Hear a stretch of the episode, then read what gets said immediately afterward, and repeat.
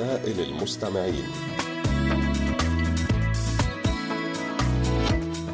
أحبائي وأصدقائي في كل مكان السلام عليكم ورحمة الله وبركاته. أهلا ومرحبا بكم في هذا اللقاء الأسبوعي المتجدد مع رسائلكم ومساهماتكم القيمة والجميلة.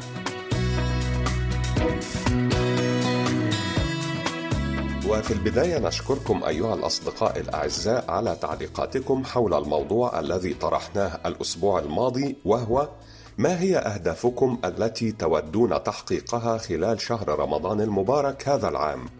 وسوف نستعرض خلال هذه الحلقة بعض الردود التي جاءت إلينا على صفحتنا على فيسبوك.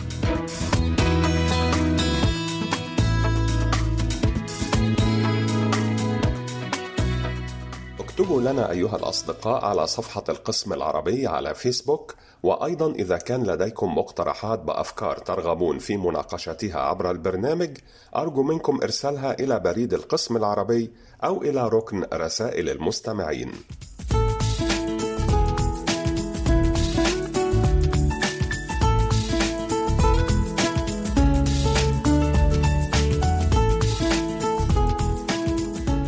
والآن نبدأ مع هذه المساهمة السريعة من الصديق العزيز المحب على الدوام علي بن شهرة من مدينة تيارد بالجمهورية الجزائرية والمساهمة عن شهر رمضان المبارك وقد اخترنا منها ما يلي كان الزهري إذا دخل رمضان قال إنما هو قراءة القرآن وإطعام الطعام وقال ابن الحكم كان مالك إذا دخل رمضان يفر من قراءة الحديث ومجالسة أهل العلم.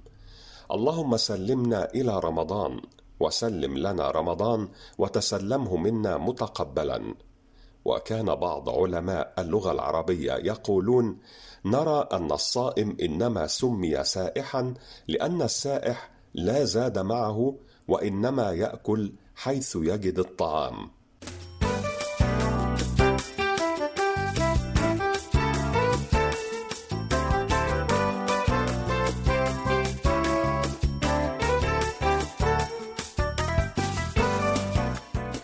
نواصل أحبائي مع الصديق والمستمع عمر حربيط العوني من تونس وهذه الكلمات الجميلة من كتاب لا تحزن للدكتور عائض القرني.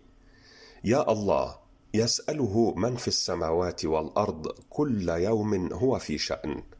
إذا اضطرب البحر وهاج الموج وهبت الريح نادى أصحاب السفينة يا الله.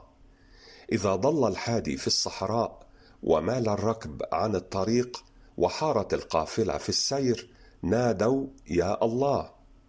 إذا وقعت المصيبة وحلت النكبة وجثمت الكارثة نادى المصاب المنكوب يا الله! إذا أوصدت الأبواب أمام الطالبين وأسدلت الستور في وجوه السائلين صاحوا يا الله! إذا بارت الحيل وضاقت السبل وانتهت الآمال وتقطعت الحبال نادوا يا الله إذا ضاقت عليك الأرض بما رحبت وضاقت عليك نفسك بما حملت فاهتف يا الله. إليه يصعد الكلم الطيب والدعاء الخالص والهاتف الصادق والدمع البريء والتفجع الواله. إليه تمد الأكف في الأسحار والأيادي في الحاجات والأعين في الملمات والأسئلة في الحوادث. باسمه تشدو الألسن وتستغيث وتلهج وتنادي وبذكره تطمئن القلوب وتسكن الأرواح وتهدأ المشاعر وتبرد الأعصاب ويثوب الرشد ويستقر اليقين.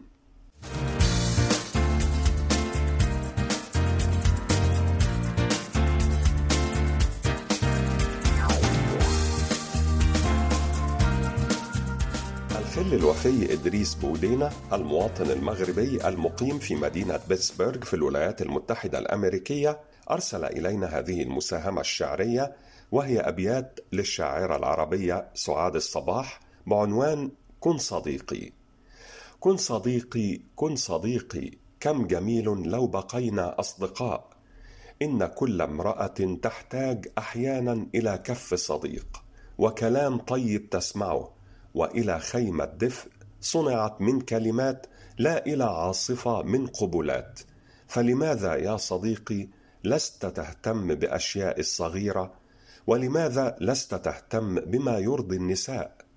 كن صديقي إنني أحتاج أحيانا لأن أمشي على العشب معك وأنا أحتاج أحيانا لأن أقرأ ديوانا من الشعر معك وأنا كامرأة يسعدني أن أسمعك.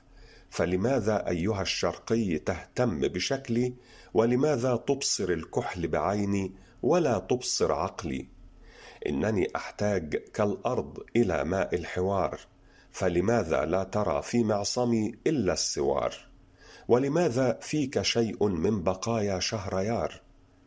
كن صديقي ليس في الأمر انتقاص للرجولة غير أن الرجل الشرقي لا يرضى بدور غير أدوار البطولة. فلماذا تخلط الأشياء خلطا ساذجا؟ ولماذا تدعي العشق وما أنت العشيق؟ إن كل امرأة في الأرض تحتاج إلى صوت ذكي وعميق وإلى النوم على صدر بيانو أو كتاب. فلماذا تهمل البعد الثقافي وتعنى بتفاصيل الثياب؟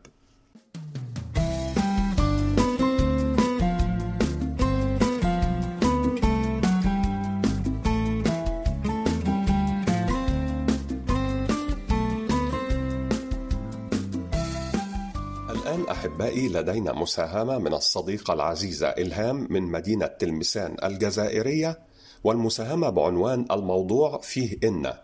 والحكاية هي أنه كان في مدينة حلب أمير ذكي شجاع اسمه علي بن منقذ وكان تابعا للملك محمود بن مرداس. وحدث خلاف بين الملك والأمير وفطن الأمير إلى أن الملك سيقتله فهرب من حلب إلى دمشق. فطلب الملك من كاتبه أن يكتب رسالة إلى الأمير يطمئنه فيها ويستدعيه للرجوع. وكان الملوك يجعلون وظيفة الكاتب لرجل ذكي حتى يحسن صياغة الرسائل التي ترسل إلى الملوك. وشعر الكاتب بأن الملك ينوي الغدر بالأمير فكتب له رسالة عادية جدا لكنه كتب في نهايتها إن شاء الله تعالى بتشديد النون. فلما قرأ الأمير الرسالة أدرك فورا أن الكاتب يحذره من شيء ما وفطن إلى قوله تعالى إن الملأ يأتمرون بك ليقتلوك. فبعث الأمير برده برسالة عادية أيضا يشكر فيها الملك وختمها بعبارة إن الخادم المقر بالإنعام بتشديد النون في إن. فلما قرأها الكاتب فطن إلى أن الأمير يبلغه بأنه تنبه إلى تحذيره المبطن وأنه يرد عليه بقوله تعالى: إنا لن ندخلها أبدا ما داموا فيها. ومنذ هذه الحادثة صار الناس يقولون للموضوع إذا كان فيه شك أو سوء نية أو غموض الموضوع فيه إن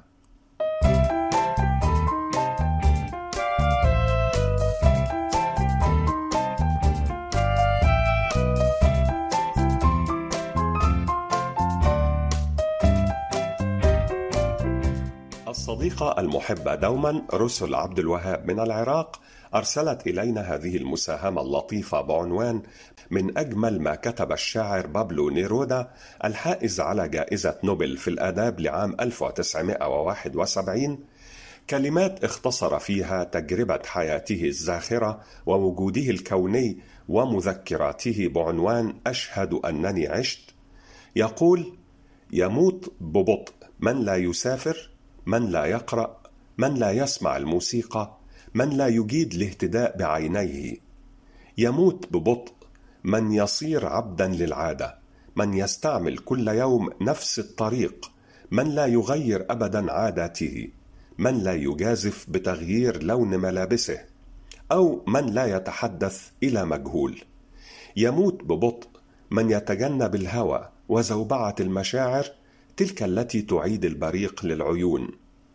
يموت ببطء من لا يغير وجهته حين يحس بالفتور في العمل أو الحب. من لا يركب المخاطر ليحقق الأحلام. من لم يحاول مرة في حياته التمرد على النصائح. عيش حياتك الآن جازف اليوم تصرف بسرعة وتفادى الموت البطيء. ولا تحرم نفسك من السعادة.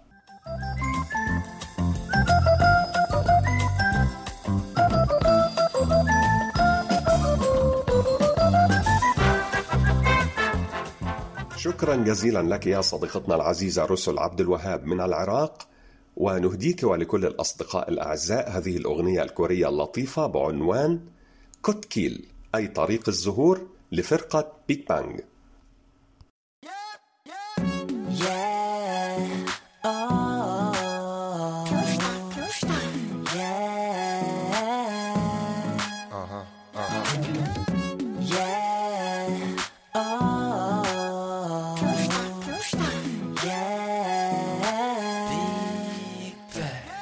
그때 참 좋았는데 말야 너와 함께 할 수만 있다면 때로 외로운 곳을 보도 말야 너와 같이 할 수만 있다면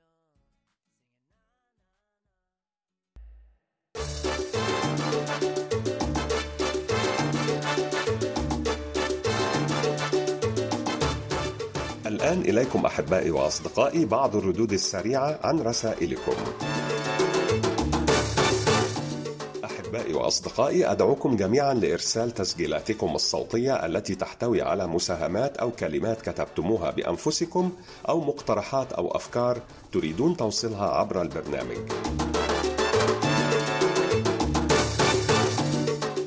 نشكر جميع الأصدقاء الأعزاء الذين هنؤونا بشهر رمضان المبارك خاصة الصديقة أوج شيماء من العراق التي كتبت تقول رمضان كريم مبارك عليكم شهر رمضان أيامه ولياليه.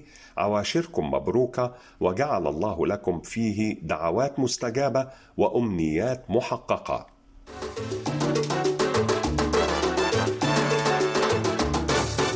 الشكر موصول لصديقنا العزيز المستمع الوفي أبو علي مؤمن من الكاليتوس بالجزائر حيث يقول إخواني وأخواتي العاملين بالقسم العربي أتمنى أن تكونوا بخير بمناسبة شهر رمضان المبارك وأتقدم إليكم وإلى جميع المستمعين بتحياتي القلبية وتمنياتي أن يعود رمضان على الأمة الإسلامية والعربية بالخير واليمن والبركات.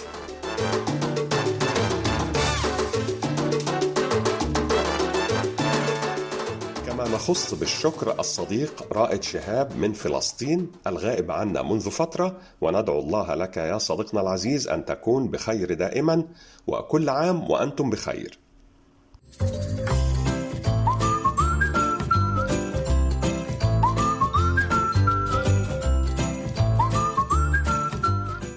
الآن نواصل أحبائي مع مستمعنا العزيز عبد الإله إزو من الخميسات بالمملكة المغربية وهذه الحكم والأقوال. يقول أحد كبار السن: كنت أنا والصحة نبحث عن المال، واليوم أنا والمال نبحث عن الصحة. لا تحرق كتابك من أجل ورقة خطأ، فقط اطويها بلطف ثم انزعها بعنف. إحدى أو أحد أكبر الأخطاء التي قد ترتكبها بحق نفسك هي أن تعطي قيمة لمن لا قيمة لهم. يحكى أن غربالا انتقد إبرة لأن بها ثقبا. حينما تفقد الرغبة لن تغريك الفرص ولو جاءت أمنياتك راكعة. الأسلوب دائما ما يجعلنا نكمل الحديث مع أحدهم أو نتجنبه تماما. مساحة صدق ضيقة خير من عالم يملأه النفاق. إياك ومرافقة المنافق فهو ماكر جدا، يأكل مع الذئب وينبح مع الكلب ويبكي مع الراعي. احرص على بياض وجهك بالإيمان والعمل الصالح وليس بمساحيق التجميل. وأخيرا يا صديقي ما يجعلني سعيدا مطمئنا معك أننا مهما اختلفنا نجد دائما طريقا للعودة.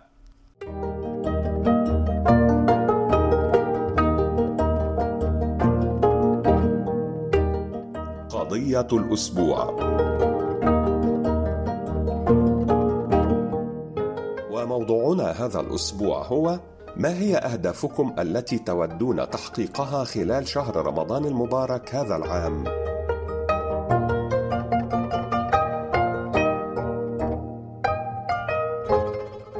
الصديقة كنزة سليماني من الجزائر تقول: الهدف الرئيسي هو الاهتمام بالغذاء الصحي والمفيد وأيضا التخلص من العادات والتقاليد الغريبة التي تنزع روحانية شهر رمضان الكريم وأحد الأهداف التي فعلا حققتها هي النشاط والعمل بطريقة عادية حتى خلال فترات الصيام وأيضا التركيز على استغلال الوقت في أمور مفيدة خلال شهر رمضان الصديقة أمال تقول حلمي بعد شهر رمضان هو الحصول على شهادة البكالوريا إن شاء الله ندى تقول أود أن أهتم بصحتي أكثر وأنظم وقتي وأنا أعمل على ذلك.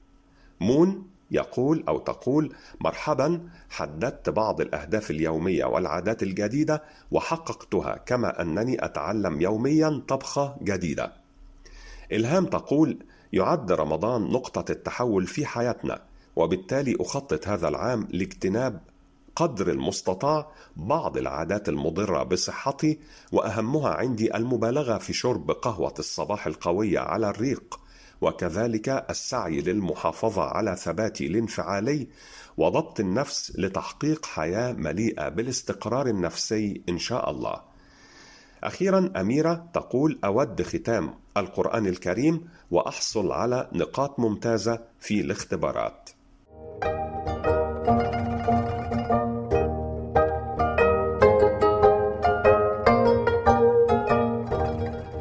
نشكركم أيها الأصدقاء الأعزاء على كل مشاركاتكم القيمة وننتظر منكم المزيد من المشاركات المفيدة والجميلة.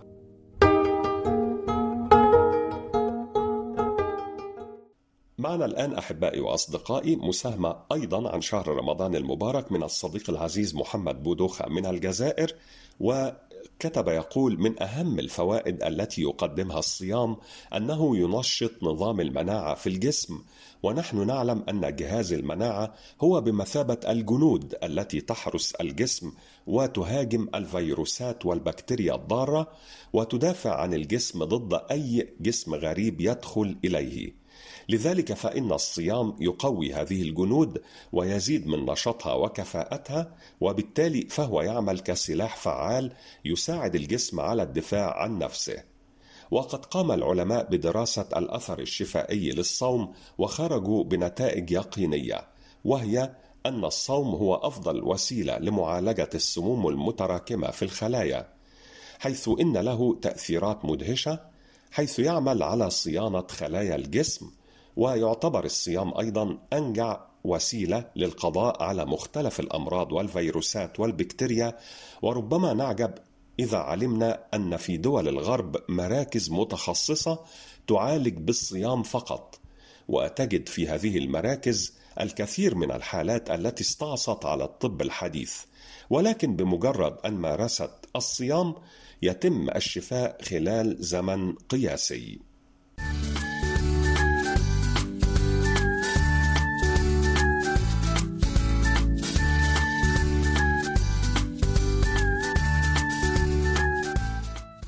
نختتم حلقة هذا الأسبوع أيها الأصدقاء بهذه الهدية من الصديق العزيز محمد السيد عبد الرحيم شارع الشوشة مركز الحسينية الرقم البريدي 44 654 محافظة الشرقية جمهورية مصر العربية وتحت عنوان الهدية كتب يقول من منا لا يحبها من منا لا يفرح حين يتلقى إهداء ومن منا لم يجرب يوما حلاوة الإهداء فالهدية عنوان المحبة ورمز التقدير ودعم للنجاح وإشارة للوفاء واحتفال بمناسبة والهدية هي أشبه بمغناطيس للقلوب المتنافرة وبلسم للنفوس المجروحة وفرحة وسرور تغمر الروح والهدية وصى بها النبي محمد صلى الله عليه وسلم فقال تهادوا تحابوا.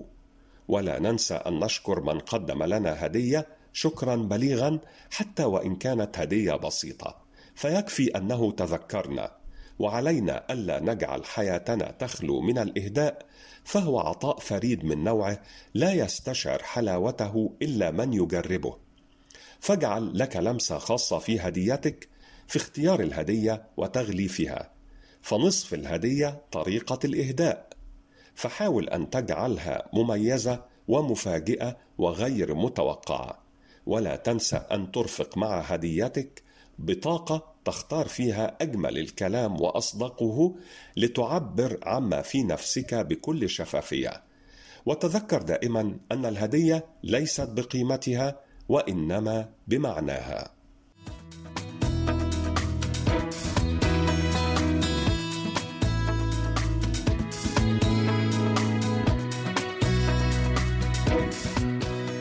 هكذا أيها الأحباء والأصدقاء وصلنا وإياكم إلى ختام حلقة هذا الأسبوع من برنامجكم المحبب رسائل المستمعين.